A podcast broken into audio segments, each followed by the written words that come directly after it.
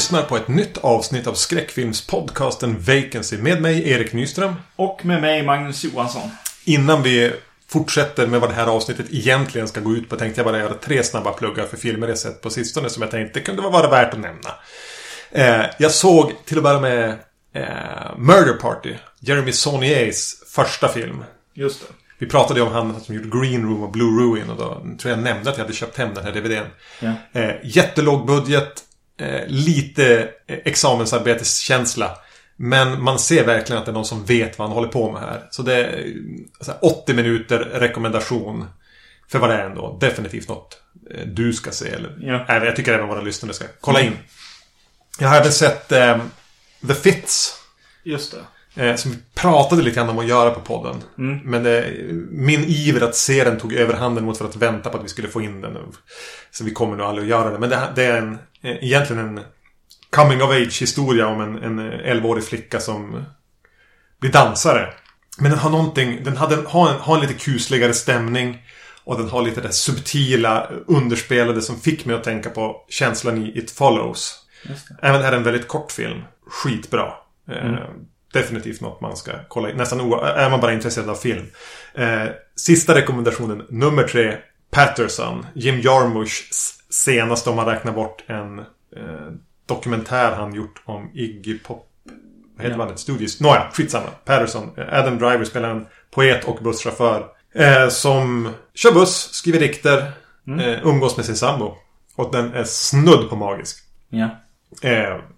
Ja, den ska man... Alla tre ska man se. Även ja. du. Ja, det får, jag absolut. Ja.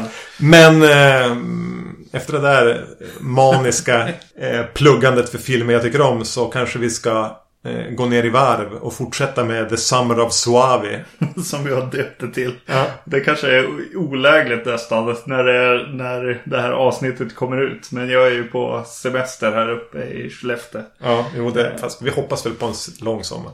Ja, precis. Jo, det är sant. I förra avsnittet pratade vi om Savi en hel del ändå. Vi gick igenom The Sect och The Church. Ja, Som han hade gjort eh, av de filmerna. Demons, eh, eventuella Demons 3-filmer nästan. Eh, I dag så ska vi avhandla eh, Stage Fright från 1987. Och Della Morte Della More från 1994. På något sätt så utgör de här filmerna en här ram för Suave också. Stage Fright var hans, hans första regijobb, i alla fall skräckfilm. Ja, Eh, och Della Morte Della Mor var i någon mån det sista han gjorde. Och på väldigt länge. Han har återvänt. men inte till skräckfilmsgenren direkt. Inte på det här sättet. Nej. Eh, Suave har väl på något sätt nämnts vara den som på egen hand bar den italienska skräckfilmsgenren under mellan de här åren egentligen. Det var han som gjorde genrefilm som var lite större. Naturligtvis gjordes det filmer. Lenzi höll på, Bava höll på, Argento, Fulci de här. Men det var... Eh, han var väl lite the golden boy. Han var ganska ung här. Han var ju bara typ 30 när han gjorde Stage Fright. Och han hade ju en ganska gedigen bakgrund. Ja, precis.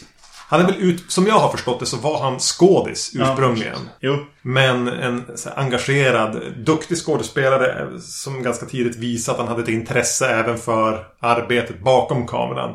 Och fick vara regiassistent på en del tyngre titlar. Ja, precis. Tenebre, Dario Argentos Tenebre, eh, Ja. både han och Lamberto Bava regiassistenter. Ja. Han är väl second assistant director och, Lamberto är first assistant director. Men redan innan det var han väl inne och fuskade som... Nej, precis. Jo, Second Unit. Eh, den här som heter Horrible eller Absurd har han varit Second Unit på. Eh, Joe Diamato. Eh, film jobbar han på eh, som skådis. Men sen gjorde han väl egentligen som första regijobb var väl den här dokumentären. Ja, precis. En eh, Dario Argentos eh, World of Horror. Ja. Eh, en, eh, en av egentligen två kanske. Eh, li, lite kändare Dario Argento-dokumentärer. Den andra är mest känd för att du är med i den. Ja, precis. Yes. Som, som stort, stort fan nummer sju eller något. Ja, jag kommer ihåg att jag såg den här när Dario Argento hade dykt upp i ens liv. Mm, Jag tror inte jag har sett den här. Jag har sett den som du är med i. Ja, just det. Ja. Du får väl låta som att du blir intervjuad men... Vi kan väl låta det vara så. Ja, precis. Jo. Spot the Magnus. Ja. ja. Ja, eh, och, och, på något sätt så gjorde han sig då till slut förtjänt att få börja regissera egen film. Under yes. hela tiden så skådespelade han också en del. Mm, precis. Han var ju med i... Eh... Ja, han är ju med i Demons-filmerna.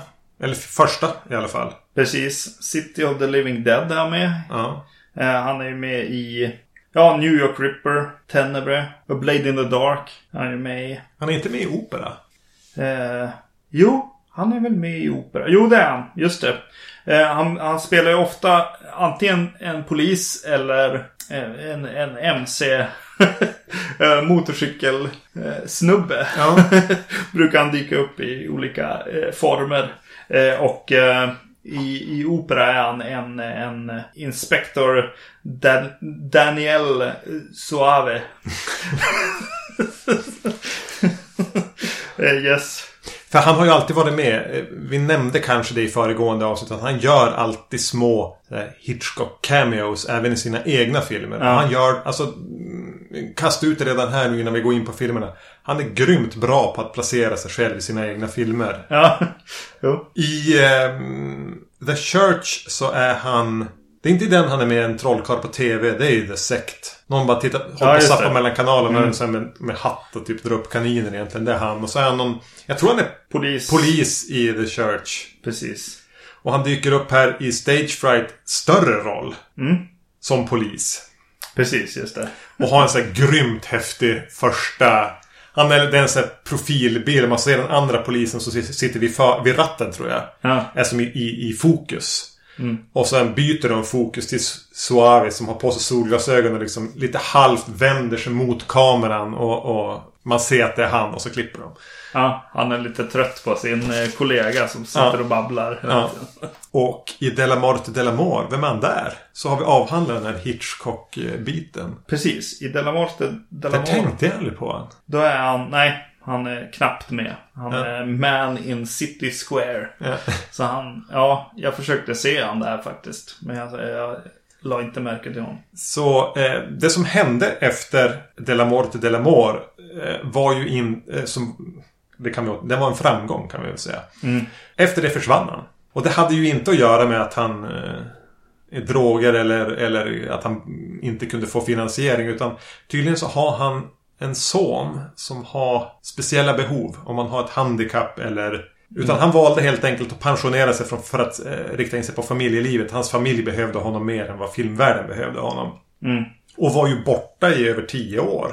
Ja. Nästan helt och hållet. Han gjorde små grejer. Sen började han göra italiensk TV igen någon gång på 2000-talet. Precis. Eh, och har väl lite grann börjat jobba sig tillbaka. Men han, det, alltså det italienska filmbranschen var då jämfört med nu går ju inte att jämföra. Nej, och då var han ändå med när den höll på att dö. Alltså de sista suckarna var ju han med och drog. Ja. Ja, han har gjort lite så här deckare. Eh, och tv-deckare också. Senaste crediten från i fjol är eh, från någon sån här eh, Beck-liknande mm. sak i Italien. Han har gjort tre episoder av en, en serie där. Så det är brödjobb? Ja, precis. Och han har hunnit fylla 60. Så jag vet inte riktigt om vi ska förvänta oss någon storstilad comeback. Nej, precis. Så, så egentligen är det de här fyra filmerna som vi har, eller kommer att ha avverkat här. Uh -huh under Summer of Suave. eh, precis. Då kanske vi backar tillbaka till eh, Stage Fright. Yes. 1987. Handlar om ett teatersällskap som eh, av anledningar låser in sig under en natt för att göra vissa förändringar i manus. Och jobba fram en bättre pjäs. In i den här teaterlokalen sm smyger sig även en galen yxmördare. I princip. Som börjar avverka eh, ensemblen. Precis. Suavi som sagt var regi manus. Ja. George Eastman. Vad skriver det här? Som för mig är eh, mördaren i Anthropophagus Beast. Eller Anthropophagus. Ja, precis. Han, han var ju jobbade ju ganska nära Joe Diamato. Som väl inte är väl någon vi har berört närmare. Jag tror vi har haft någon Diamato-film tidigt på podden. Mm. Var det han som hade gjort den där med ja, in the... Weekend at Bernies fast med en kvinna? Vad heter den? Dark... Darkness? Eh. Beyond the Darkness. Beyond the Darkness. Eh, Slaskregissör i alla fall. Eh, Ja. I övrigt George Eastman skådespelare, manusförfattare säkert regisserar grejer också. Mm. Jag skrev några spaghetti-westerns på 70-talet som har viss kultstatus. Keoma är han va? Eh, Suave var ju regiassistent, precis som vi nämnde nu, till den här Absurd eller Horrible. Eh, eh, Joe Diamati. Och den har George Eastman också skrivit och eh, skådespelare i. Så att eh, det är väl där de träffades då, Ja. gissar jag. Så han skrev ihop den här lilla, det här lilla kammarspelet. Eh, precis. Eh, det är väl ganska, alltså. Det är ganska mycket bara en slasher det här va? Ja, för att vara italienskt så är det väldigt mycket slasher. Precis. Eh, någonting som jag har faktiskt noterat av om eh, eh, senast jag såg eh, opera. Den är ju eh, också lite bara en slasher också. Fast med lite mer, ja, Italien kanske. Det är väl inte så konstigt egentligen då om, om Giallo var stor första halvan av 70-talet. Så hade ju slashervågen inträffat här. Och var det någonting italienarna gjorde bra så var det ju copy-paste. Ja, precis. Jo. Så att deras Giallos och även deras re- större regissörer eh, skulle börja göra låna rätt mycket från, från slasher-genren. Jag skulle nästan bli besviken om de inte hade gjort det. Nej, precis. Det är nästan konstigt att de inte hade gjort fler slasher-filmer. Renodlade. Eh, Den här kom året efter opera tror jag. Ja. Eh, och har ganska mycket gemensamt på ett sätt. Det är det här teatersällskapet eller operasällskapet då som, som eh, tas av daga här. För, även om den här är, är lite mer straightforward. Musiken förresten är Simon Boswell. Som vi var väldigt förtjusta i. Hans soundtrack till eh, Demons 3 The Ogre. Just det. Svagare soundtrack här. Mm, den har någon slinga som kommer tillbaka lite då och då som funkar. Kan jag tycka, men ja. Eh, Hur börjar den här filmen? Eh, Den börjar ju eh, väldigt påhittigt. Eh, Med att vi får vara uppe på, på eh, scenen en mörk natt känns det som. Ja. Och följa en katt som går längs gatorna. Och eh, man får en, en stark känsla av att det är ganska eh, kass scenografi här. De Ja. har försökt eh, göra någon slags New York eh, scenografi här. Eh, men den tar slut lite då och då och det blir bara svart i bakgrunden och sånt där. Och jag måste ju säga, jag har sett Stage Fright en eller två gånger tidigare. Ja. Men det börjar vara åtminstone en bra bit över tio år sedan jag såg den senast. Jag gick på det här. Ja, ja. Jag bara, ja, okej. det är så här det ska se. Ja, men jag vet att det här är en lågbudgetfilm. Det är ganska så här, stiliserat. Känns lite så här West Side Story eller någonting. Ja. Eh, mm, ja men visst, visst. Vi kör på det här. Sen visar det att en kvinna dras in i liksom mörkret av några handskar och blir mördad. ja.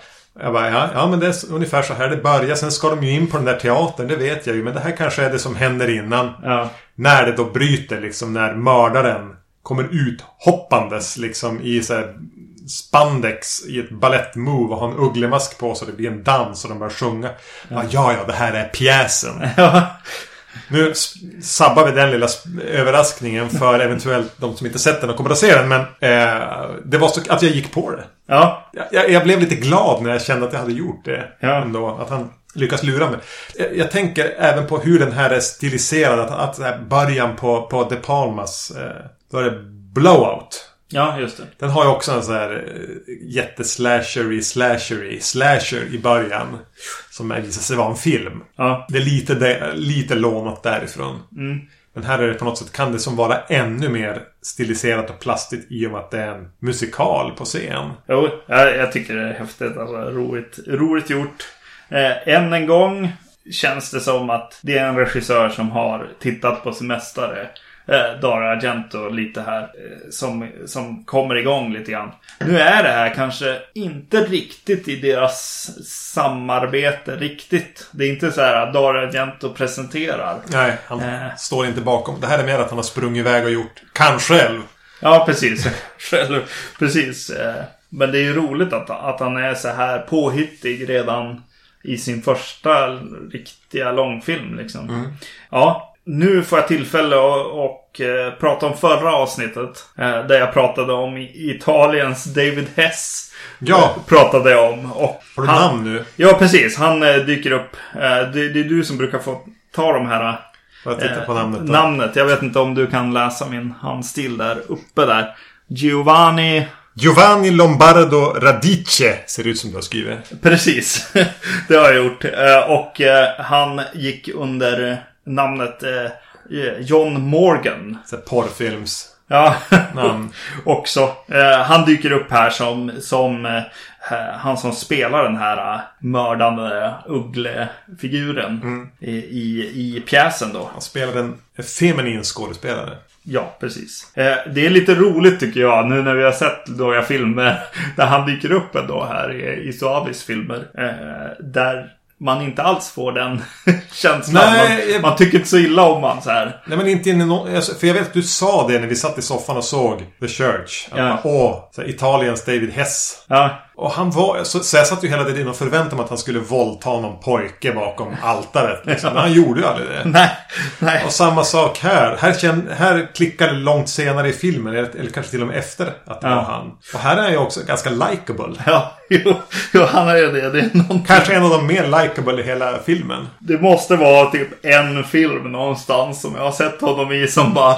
Åh oh shit vad läskig han är. Så varje gång jag ser han så, så tänker jag att han är... Det här måste vi ta reda på vad det är och prata om ja, i precis. ett kommande avsnitt. Mm. Ja, precis. Och ja, precis. Den, den är ju väldigt eh, snabbt inpå på något sätt. Det är en, en kvinna där i huvudrollen som eh, är lite, har en skada. Men alla mm. behöver pengar. Mm. Eh, som är med i den här pjäsen. Alla är, ingen här som är där för konsten. Alla är där för att de behöver gigget. Precis. Och eh, hon kan inte säga någonting för då kan hon bli utslängd från sin lägenhet i princip. Men en, en, en kompis där, hon som eh, har hand om wardrobe. Ja, garderoben. Ja, precis. Hon håller koll på kläderna. Eh, hon övertalar henne att eh, gå till ett närliggande sjukhus och få det kollat på. Ja, det är typ foten eller någonting. Hon har ont i foten och ja. få en spruta eller tejp eller kolla en läkare. Och då åker de alltså inte till till ett sjukhus utan närmare var ett, ett, ett, typ ett dårhus om vi ska säga så. Ja. Hon bara, ja men psykiater, psykiatriker är ju också läkare. Ja. Jo. Jo, i och för sig. I och för sig. Och det fungerar ju. hon får ju den hjälp hon behöver. Ja, av en flörtande läkare. Hårt flörtande läkare. och, och i, på det psyket finns ju då även den här eh, galne yxmördaren. Precis. De går förbi en cell där han eh, placeras och ligger. Så det är riktigt dårhus. Mm. och eh, han visar sig ju vara en, en galen skådespelare som har eh, dödat 16 personer. Och eh, Irvin Wallace heter mm. han. Och... Tänker på att Edgar Wallace, alltså att Wallace var ju en som skrev många av de här böckerna som sägs vara en, en, en, jag menar egentligen giallosarna. Ja. Jag tror namnet kommer därifrån. Just Om vi ska vara lite så, namnarkeologer. Precis. Inte, inte från John Carpenters polare där. Heter inte han Wallace också? Det är någon i, i Halloween som heter Wallace. Ja men det är det väl. Pojken? Nej, jag vet inte. Fan, nu försvann. Nu är det gubbar som sitter Nu är vi gubbar. Precis. jo, han, han eh, lyckas ju rymma. Eh, i, I en elegant fotad eh, scen där så åker de in genom gallrarna eh, med kameran. Det mm. tyckte jag var lite så här Lite Fincher. Ja, men lite mysigt så här att, att han eh, ger sig på något sånt. Ja. Eh, ja, han är ju en visuell eh, regissör. Definitivt. Så Utan att bli så superstylish. Nej, precis. Nej. Utan det är mer, ja men, ganska väl avvägt när det ska vara visuellt. Mm. Och när det ska vara funktionellt. Ja, så precis. han har ju hela det där på plats. Jo men den här mördaren gör ju då den här eh, rym och, och, rymningen från dårhuset. Och passar ju på att, att smyga in i bilen till de här två unga kvinnorna som ska tillbaka till, till teatern. Mm. Så eh, de tar ju med sig ondskan till scenen. Det var här också. Jag, jag hade som för mig att ja, det som händer är att en person blir mördad. Polis tillkallas. Delar av ensemblen åker därifrån men några stannar kvar. Eh, anledningen är att regissören vill foga in det här mordet som sker. Mm. I pjäsen och därför blir vissa eh, får vara kvar. Jag hade, den biten hade jag också glömt. Jag trodde som att det skulle vara det här lite klaustrofobiska. Ingen vet vad som händer där inne. Och jag blev lite förvånad av det också. Att polisen kommer dit. Att det, det... det alltså, jag tänkte på det här nu. Att de är så här, de är på en teater och det blir, de blir inlåsta där. Och ganska snabbt så får de som reda på, på hotet och liksom måste bara barrikadera sig eller hittas ut egentligen i det här fallet. Mm. så jag börjar faktiskt tänka på, bara för att vi har pratat så mycket om Demons eh, att strukturen är ändå Ja. är ganska lik dem. Ett gäng karaktärer inlåsta med, med, med faran i en modern, alltså I mitt inne i stan egentligen. Ja, precis. Och något kulturellt pågår på ja. något sätt ändå. Teater i det här fallet. Eh, bara snabbt så gillar jag verkligen första mordet här. Det spöregnar verkligen tungt jävla regn. Mm.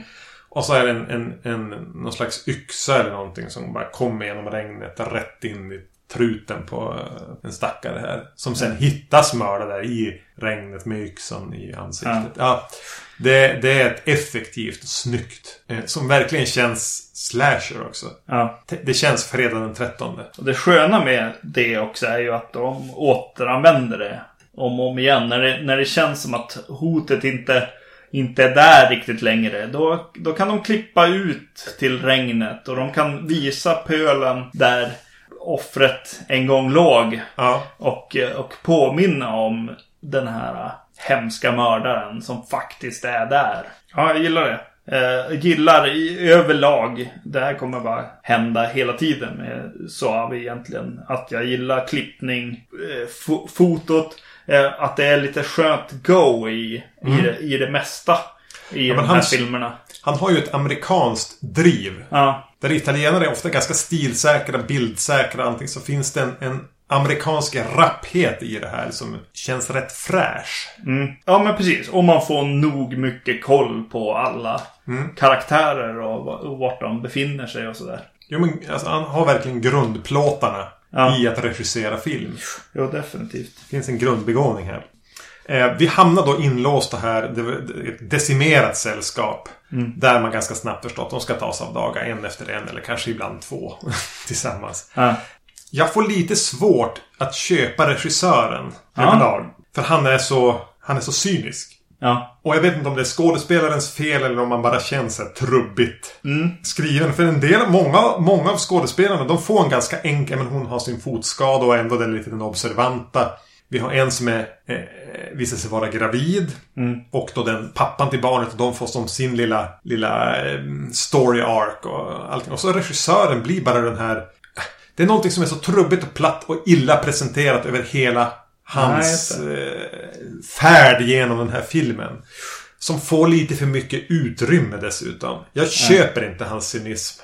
Nej, hans men alltså- exploitation-ådra. Alltså, nej, precis. Men jag tror att det, är nog, det faller nog på skådisen kanske i slutändan. Men det är också han som, precis som du säger, en resa.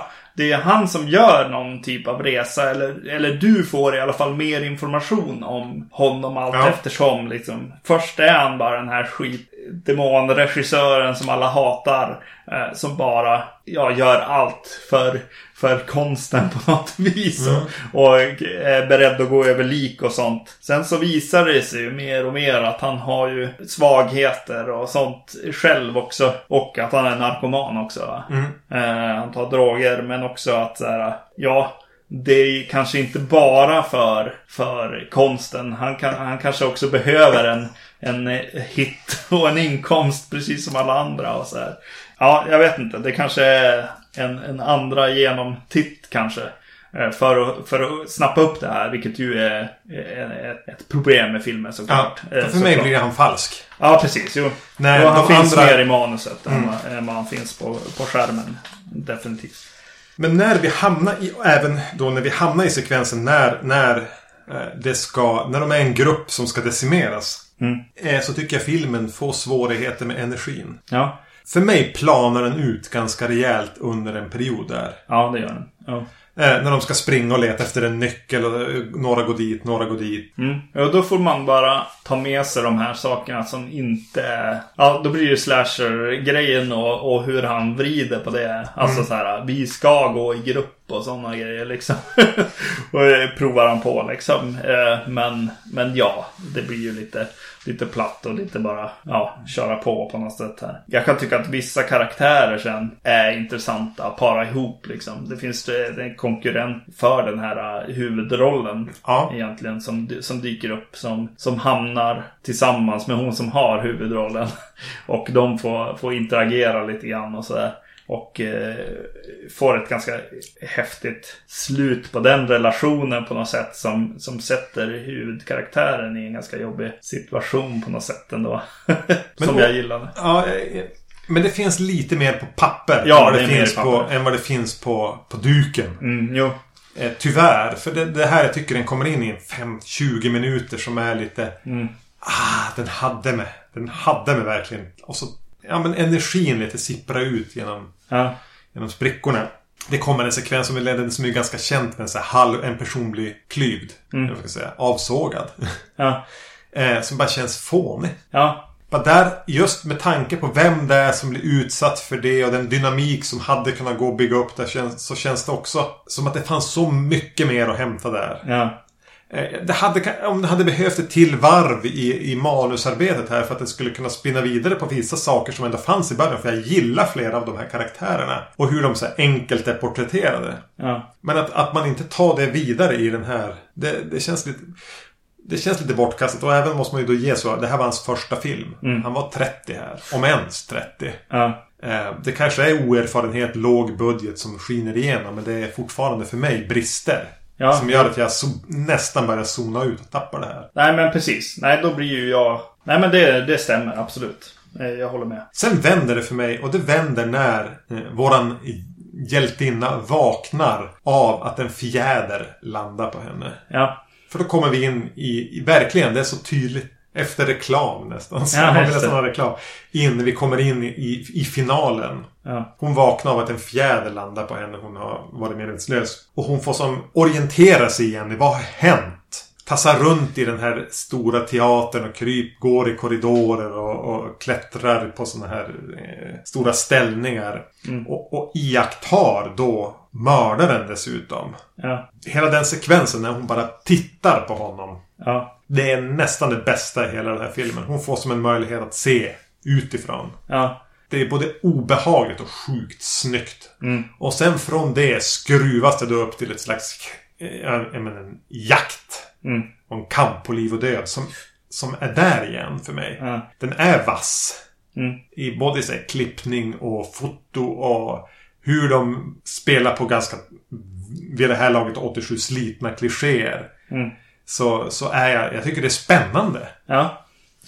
Eh, jag, jag, tror att en av, av grejerna här är att eh, Suave är väldigt, väldigt bra på att visa geografin. Och sätta geografin i en plats. Ja. Eh, I den här platsen fram, framförallt. Att, För det är en svår plats. Ja. Att, att ha en geografi Ja, och eh, det är det som gör att man hänger med där i slutet tror jag. Att man, att man följer med och tänker kanske Ja men spring dit eller där eller Alltså man kan, man kan få egna idéer när man ser det här.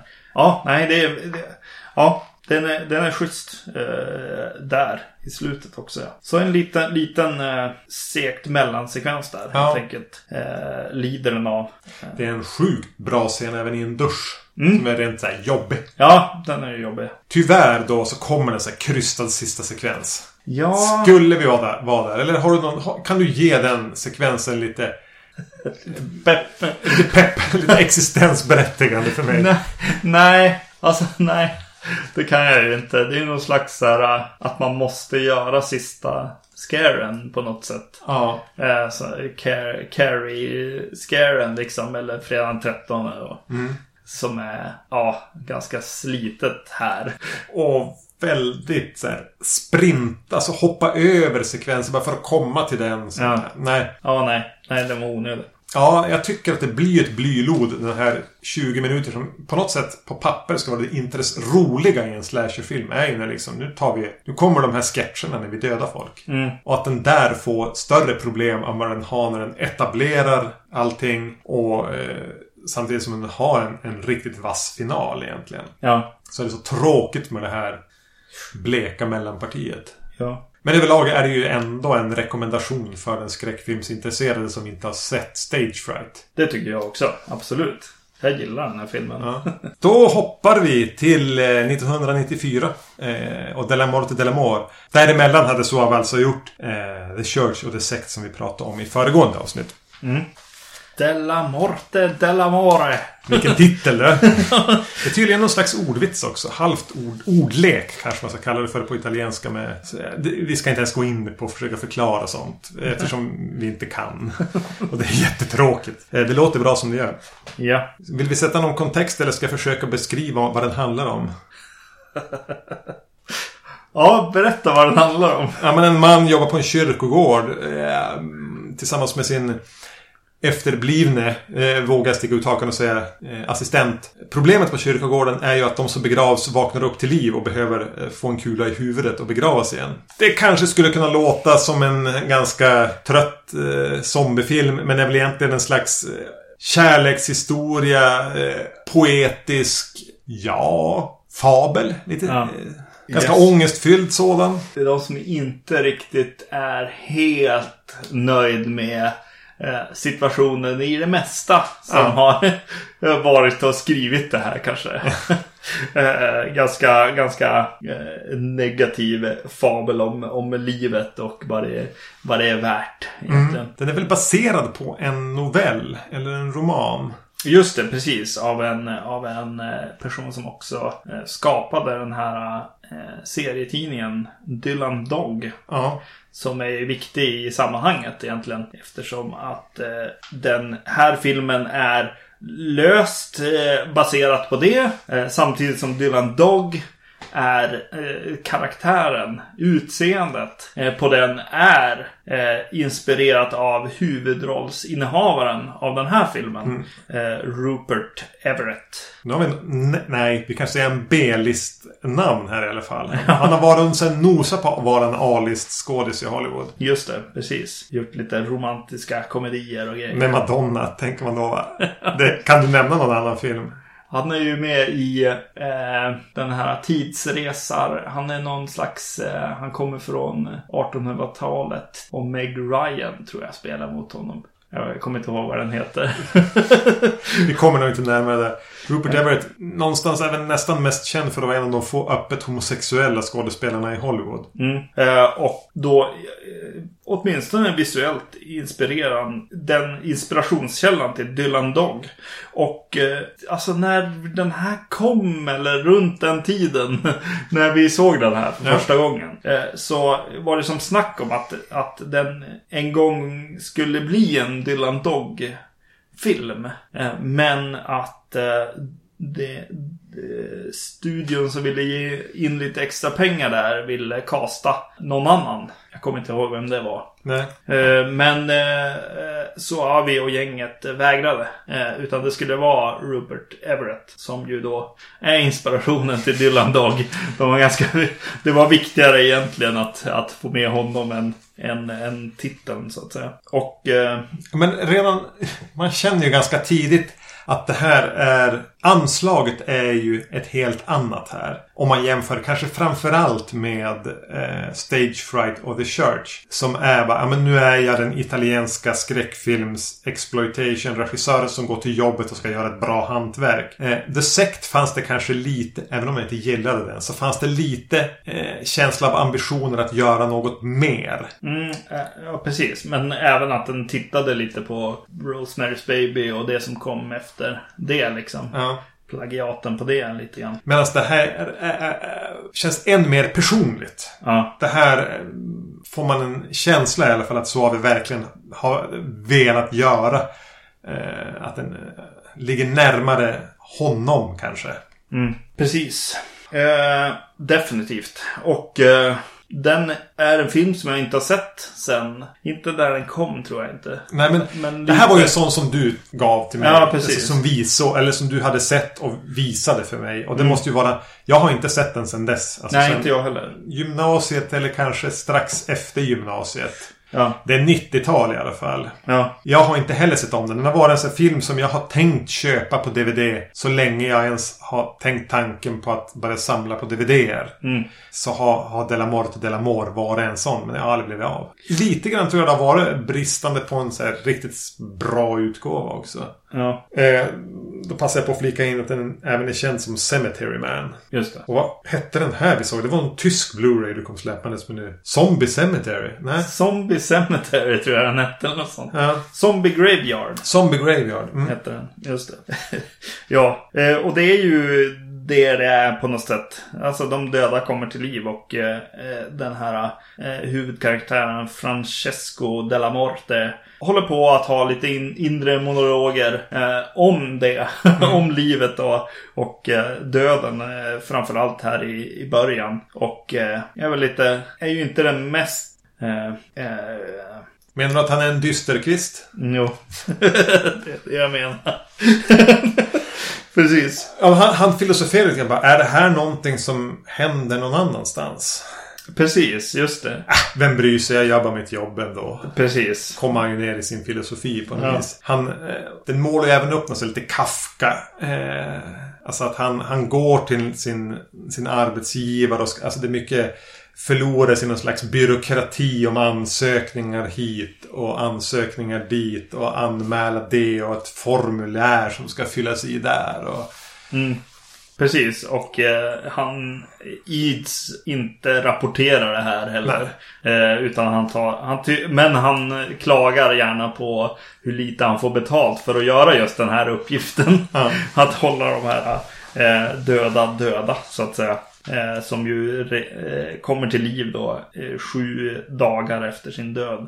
ja. Mm. Knatar runt i en vit skjorta och svarta byxor och lite så här eh, 94 rufsig lugg. Mm. Det är någonting som slog mig nu när jag såg den. Som är ju setdesignen. Såklart. Det verkar ju vara byggd hela kyrkogården känns det som i Ja. vissa fall. Eh, Det, det är en påkostad rulle. känns det som.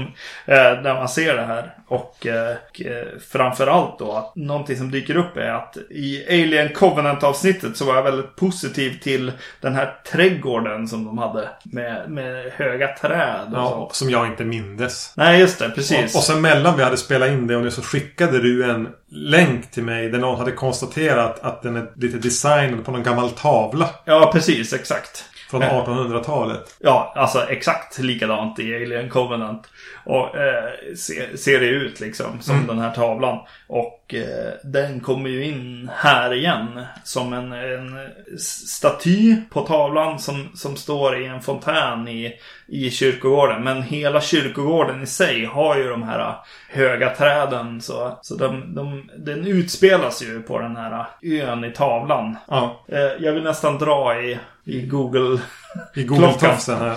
Ja. Yes, eh, och se vad tavlan heter här.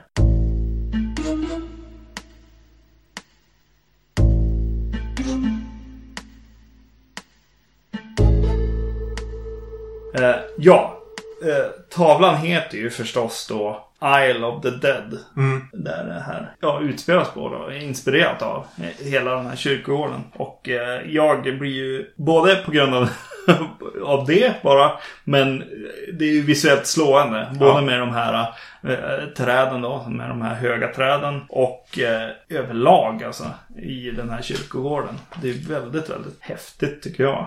Eh, Jag vet att jag nämnde i föregående avsnitt jag får en känsla av att Suavi är både väldigt litterärt och även konst. Intresserad av konst. Och kan mycket och kan göra referenser som går över huvudet på pappskallar som du och jag. Mm. Och det där är också en sån, att man råkade plocka upp den har ju bara att göra med att vi såg en jävla Ridley Scott-film i våras.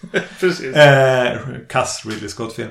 Eh, så jag, jag, jag anar även att det finns fler så här, referenser till konst och litteratur i den här kyrkogården. För den är ju full av såna här gotiska änglar och Mm. sneda gravstenar och allting. Precis, Eh. han skapar ju själv eh, förmodligen, ja som sagt, referenser till konst eh, i, med, med, i sexscener och annat. Så Ja. som, man, som man får en, en, en stark, eh, ja, konst, konstnärlig känsla av. Eh, Och, men nämnas bör väl att Fra, Francesco här, eller Francis, han bor på kyrkogården. Mm. Och hans, hans eh, assistent bor under, honom. under honom. I källaren. Ja. I källaren. Så han, hans uppmärksamhet dunkar ja. ofta i golvet. Nagi heter eh, den här assistenten som han har. Som sitter och tittar på så andra världskriget dokumentärer. Just på det. TV. Ja. Hela tiden. Ja. Och är, är fascinerad och älskar döda löv. Ja. Och försöker... han krattar ihop dem där och de blåser iväg hela tiden. Han får nästan panik och försöker lägga sig på dem. Ja. Och bara det är ju en del av filmen också. Just det här hopplösa kampen hela tiden. Så det är ju på något sätt men rätt ångestfylld på ett kitschigt sätt. Mm. Kitschångest. Eh, om hur, hur, hur, frustrerande livet eh, kan vara. Ja, precis. Jag tänker på... Alltså det är ju verkligen så här skön ungdomsgott-tankar ja. liksom som man själv hade som går igenom här. Och, och, det är inte konstigt att man eh, gillade den här filmen när den kom. Eh, eller när, man, när den kom till en själv där i gymnasiet. Någon gång. Nej, men man har lite lättare att pejla in våglängden då än vad man har nu. Kanske eftersom den har ja. ett lite mer nästan primalt. Mm. Eh, så här, att, att längtan bort till något annat än det här. Bara daily grind. Eh, mm. Ångesten och även att åtrån. Någon slags kåthet är så, ja. blir så viktig. Eh, precis. Jag tänker faktiskt nu när jag ser den på lite på hur Typo Negative var. Ja, bandet Typo Negative. Peter Steele, Rest in Peace. Ja, eh, det var ju jävligt häftigt liksom. Eh, när man var ung och det var precis det här eh, mörkret och, och, och kåtheten som du pratar om nu. Som vampyrsex-grejen. Precis. Tufft men samtidigt så gör den ju någonting kul av det också. Mm. Alltså de retas nästan lite grann med de här ungdomsgotarna. I sina texter i, i, i Type of Negatives fall. Och det känns lite så här också att det blir Ja men det blir ju det här som jag väl alla egentligen säger om den här som vet någonting om den här filmen. Att det blir lite serietidning. Ja. Av, av hela, hela filmen. Vilket ju är förklarligt av att den är skriven av en eh, serie eh, eh, liksom. Och att så har vi definitivt har pejlat, pejlat in liksom en känsla i det här att skapa de här seriepaneler och ett uttryck som, som finns där i serietidningar. Jag tänkte kanske visuellt på två, eh, varav en vi ska återkomma till. Men jag tänkte lite grann på, på så här Euro Cohen. Alltså bröderna Cohen i Europa. Ja, just det. Ja. Eh, lite den, den, för de har ju också en ganska eh, serie, hårt stiliserat bildspråk. Mm. Li, lite den, lite den bilden får jag. Ja. Fast mer Eurotrash. Mm. Känner du här att man bara hittat en visuell grej hos Suave också som jag tror har återkommit. Det här blir nog tredje, kanske till och med av de här fyra filmerna som man återanvänder ganska billigt visuellt grepp egentligen. Men det är att fylla luften med saker. Ja, just det. Mm. Ja, det är fjädrar eller maskrosdun. Vad är det i den här? Det är snö bland annat. Nej, det är de här. Han har en sån här snöglob. Ja, precis. Jo. Det snöar och så har han ju det här med att det brinner eh, papper och sånt. Och ja. de börjar ju nästan komma in där i filmen. Efter det sekvensen liksom. Eh, att det fortsätter att, att finnas det i luften. Och, och, och löven då. De döda löven ja. förstås. Ja. Men mycket handlar ju om, äh, om äh, Fran Francisco de la Mortis. Det att han blir förälskad i en kvinna som tycks återkomma i olika skepnader hela tiden. Men hela tiden rinnan mellan fingrarna. Ja. På något sätt så symboliserar väl hon både den här ungdomskåtman Ja. Och bara, jag vill härifrån. Jag vill ha ett annat liv. Ja. Så här ska det fan inte vara. Nej. Eh, och det är ju, som jag, som jag minns det som sagt var, så när jag såg den när jag var kanske 18-19 så var det lite lättare att, att då hade jag lättare att få, få hoppa på det tåget och känna mm. verkligen den här extrema frustrationen med huvudkaraktären i sina försök att bara komma någon annanstans. Mm. Jag var inte riktigt lika med honom känslomässigt den här gången. Nej. Kanske just eftersom han är så stiliserad och mer en serie. Mm. Eh, det är så breda penseldrag. Ja. jag hamnar lite på distans nu.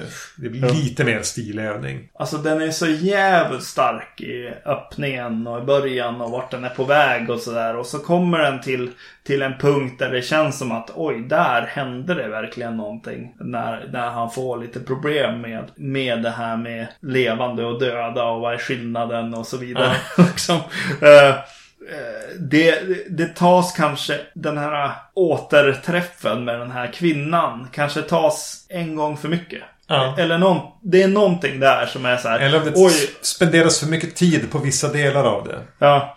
Som jag kände med The Sect när vi såg den. Att oj nej, nu, nu tycker han att det är lite tråkigt. Eh, Erik. Ja.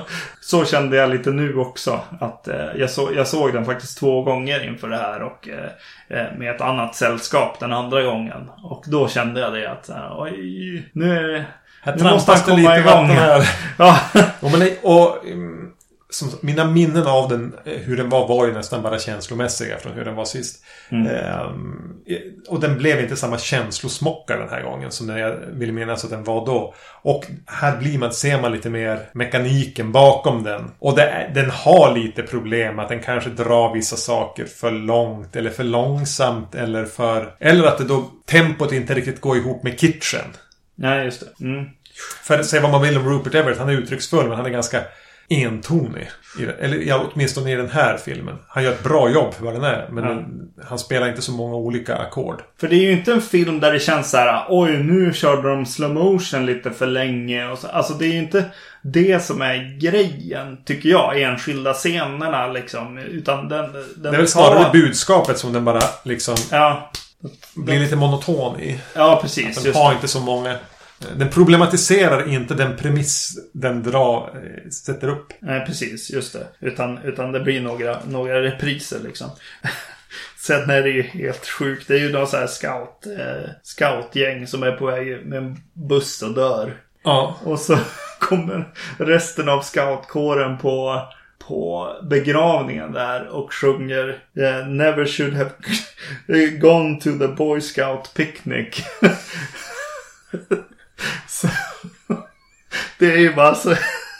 Det är fantastiskt. Det är humoristiskt på något sätt. Eh, det vet jag inte om jag... Det minns jag Nej, inte. Jag så nu när jag såg det så bara så att jag skrattade och gott åt det. Medan eh, då vet jag att jag eh, gymnasiet tyckte att, att framförallt eh, hon som, som saknar sin biker-pojkvän mm. när, när, när eh, Francesco här hittar dem på kyrkogården och han, han är odöd och eh, äter av, av henne och att hon säger Leave us alone, he's only eating me. Mm. Det tyckte jag var fantastiskt då vet jag. ja, nu var det lite med. Ja, precis. nu föll det ganska platt. Ja, nej jag vet inte. Jag, jag, jag har bara skrivit upp en massa visuella gags som jag tycker är fantastiska i den här filmen. Och eh, jag tycker att, att, vad heter han, Nagi här är en fantastisk karaktär också. Han är i princip stum. Ja. Men... Och han får ju som sin egen lilla romans också. Ja. Ett huvud. Men vilket hjärta liksom i, ja. i i den här filmen som ska vara så himla mörk liksom på ett sätt.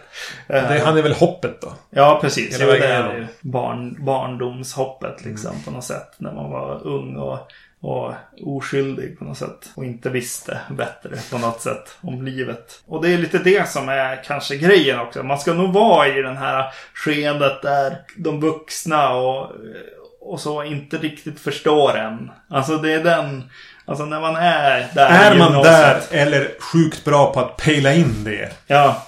Så fungerar den nog som bäst. Jo, För den har ju en känslomässig laddning eh, som ligger betydligt, alltså ljusår från de tidigare filmerna han har gjort. Mm. Den här är ju, naturligtvis är den ju baserad på en skräckfilm. Alltså använder sig av grunden. Men är ju mer en svart komedi och ett tonårsdrama på något vis. Trots att karaktärerna är äldre än tonåringar. Mm. Så spelar den ju mycket på det. Precis. Så alltså. För mig är det så här. Jag, jag, det var tre filmer som dök upp i mitt huvud nu. Mm. Som var så här. Som var runt den tiden som jag såg. Som påverkade mig väldigt. Eh, ja, den var, den var helt rätt i tiden. Eh, som jag tänkte rekommendera om det är någon som är i gymnasiet. Slutet av gymnasiet kanske Uh, och det är ju Della Morte Della Mar. Definitivt. Ni måste ju se den här filmen. Ja. Uh, Bad Boy Bubby. Ja. Ska du se. Och så kanske sist där. Uh, så alltså när du blir lite, lite äldre så ska du också se Santa Sangre. Som vi har pratat om i ja. podden. Det var de jag, jag minns nu när, när jag såg den här filmen. Att bara, ja, shit vad de var impactful då liksom. Mm. Jag tycker att den här... Jag, jag, kan se, se det. Nu blir det mer att man, har, man backar lite grann och kan se det för vad den är. Eh, och då är den ju på något vis en liten, en liten pärla. Mm. Eh, som ligger där eh, mer eller mindre bortglömd för vissa. Väldigt viktig för vissa. Men eh, det jag tänkte på och, och vad jag sa det att det var två regissörer som dök upp i huvudet när jag såg den här. Mm. Och ena var då Euro Cohen. Ja. Eh, mest bara i den här stilis stilismen. Mm. Men en annan regissör som känns lite grann i hur den andas. Och kanske var regissören i fråga befann sig vid den här tidpunkten och vad den här hade kunnat representera. Mm. Så tänker jag på Peter Jackson. Ja, just det. Mm. Det här hade kunnat vara en Peter Jackson-film. Drivet bildspråk. Någon som vill fram. Det finns en, liksom en längtan mot något som jag upplevde att Suave hade här. Ja. Det här var lite, nu ska jag upp och visa att jag... Jackson hade sina splatterfilmer också i, i, med sig. Och tog det vidare med Heavenly Creatures och liknande. Ja, just det. Heavenly det här Creatures kunde ha stått där. Ja, det här är ju Suaves Heavenly Creatures. Ja. Och, och det födde liksom tanken, vad hade hänt? För den här blev ändå en framgång. Framförallt i USA. Den ja. var poppis. Alltså som en indie-hit. Ja. Vad hade hänt om Suave inte vid det här laget hade valt att backa och, ta, och leva ett familjeliv under tio ja. år? Och istället bara, bara hoppa rätt in i Hollywood. Ja, just det. Vad, vad hade han... För, så, erbjudandena hade funnits efter den här filmen. Jag är övertygad. Jo, definitivt. Så vad hade kunnat varit? Var hade han varit då idag? Vad hade vi sett för filmer då? Är en intressant tanke. Mm. För man tänker ju lite på ja, men Peter Jackson, eh, del, Guillermo del Toro. Ja. Eller vad heter han? Eh, Genet, han som gjorde Amelie från Montmartre. Mm. Lite mm. den här europeen, den här icke-amerikanen som har en lite annan smak som får göra en viss typ av filmer. Var hade Suave kunnat landa där? Mm. Ja, det är verkligen en lockande tanke. Mm. Som vi aldrig fick veta. Nej, Men det...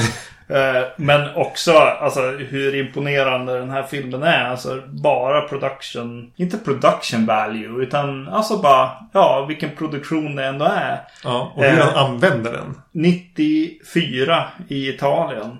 Det känns som att det var dött. Ja, han ska ha vänt på varenda, vad är det, lire? Ja, precis för att få ihop det här. Eh, det blev ju som, ja jag vet inte. Det sista skriket ja. för Italien helt enkelt. Eh, Har inte gjort en enda italiensk film efter den här världen är längre tid på. Är det det du vill säga? Eh, precis. Eh, precis. Nej. Nej, det vill jag väl inte säga. Men eh, ja. Men det är ändå imponerande. Och det är ju verkligen så att han har tagit. Här är det ju verkligen tydligt att han har tagit eh, och kört om sin mästare Dario Argento i, i just det här tillfället liksom.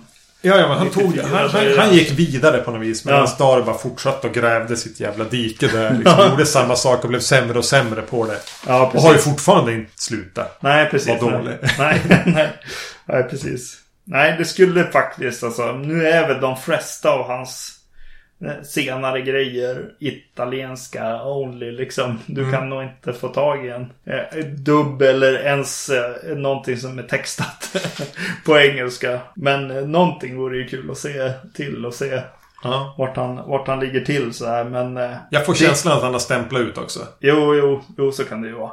Men det är ju väldigt, väldigt häftigt med de här fyra filmerna som egentligen var de han gjorde. Mm. Ja, för mig är de riktigt, riktigt bra filmer. Även de som är dåliga. Ja. Eh, jag, alltså jag, eh, ja, han pejlar ju in någonting hos mig definitivt. Som jag bara kan sitta och eh, digga liksom. Jag skulle hoppa över The Sect. Men ja. i övrigt så... Ja, det gör ju inte jag. men ja, ja, nej. Eh, otroligt bra regissör den här. Mm. Så har vi. Och Della Morte Della More är väl ändå hans stora verk ändå. Ja, på ett sätt är det ju det. Ja. Sen är jag inte säker på om jag all, varje dag i veckan skulle säga att det är den jag tycker bäst om. Nej. Även om den kanske nästan rent objektivt är den bästa filmen. Uh. Eh, ja, men det är det väl. Visst, vi säger så. Ja, jag kunde se den två, två dagar i rad här nu. Så mm. ja, nej, den är skön. Och, och Nagi, skådisen här, var toppen. Ja, det var det. Det var det. Eh, eh, vågar inte riktigt säga vad nästa avsnitt kommer att handla om. Vi vet aldrig vad vi är i. Nej, nu har vi, vi faktiskt in, ingen aning. Spela in på sommaren så är det en jävla soppa. Eh, men det vi vet är att vi finns på Facebook. Man kan mejla oss annars på podcast vacancy.se om man vill kritisera eller berömma eller tipsa om någonting. Eh, vacancy.se Annars är det väl iTunes. Det finns på Acast numera. Mm. Så... Eh, ja. Uh, då hörs vi i nästa avsnitt. Det gör vi. Hej då. Hej.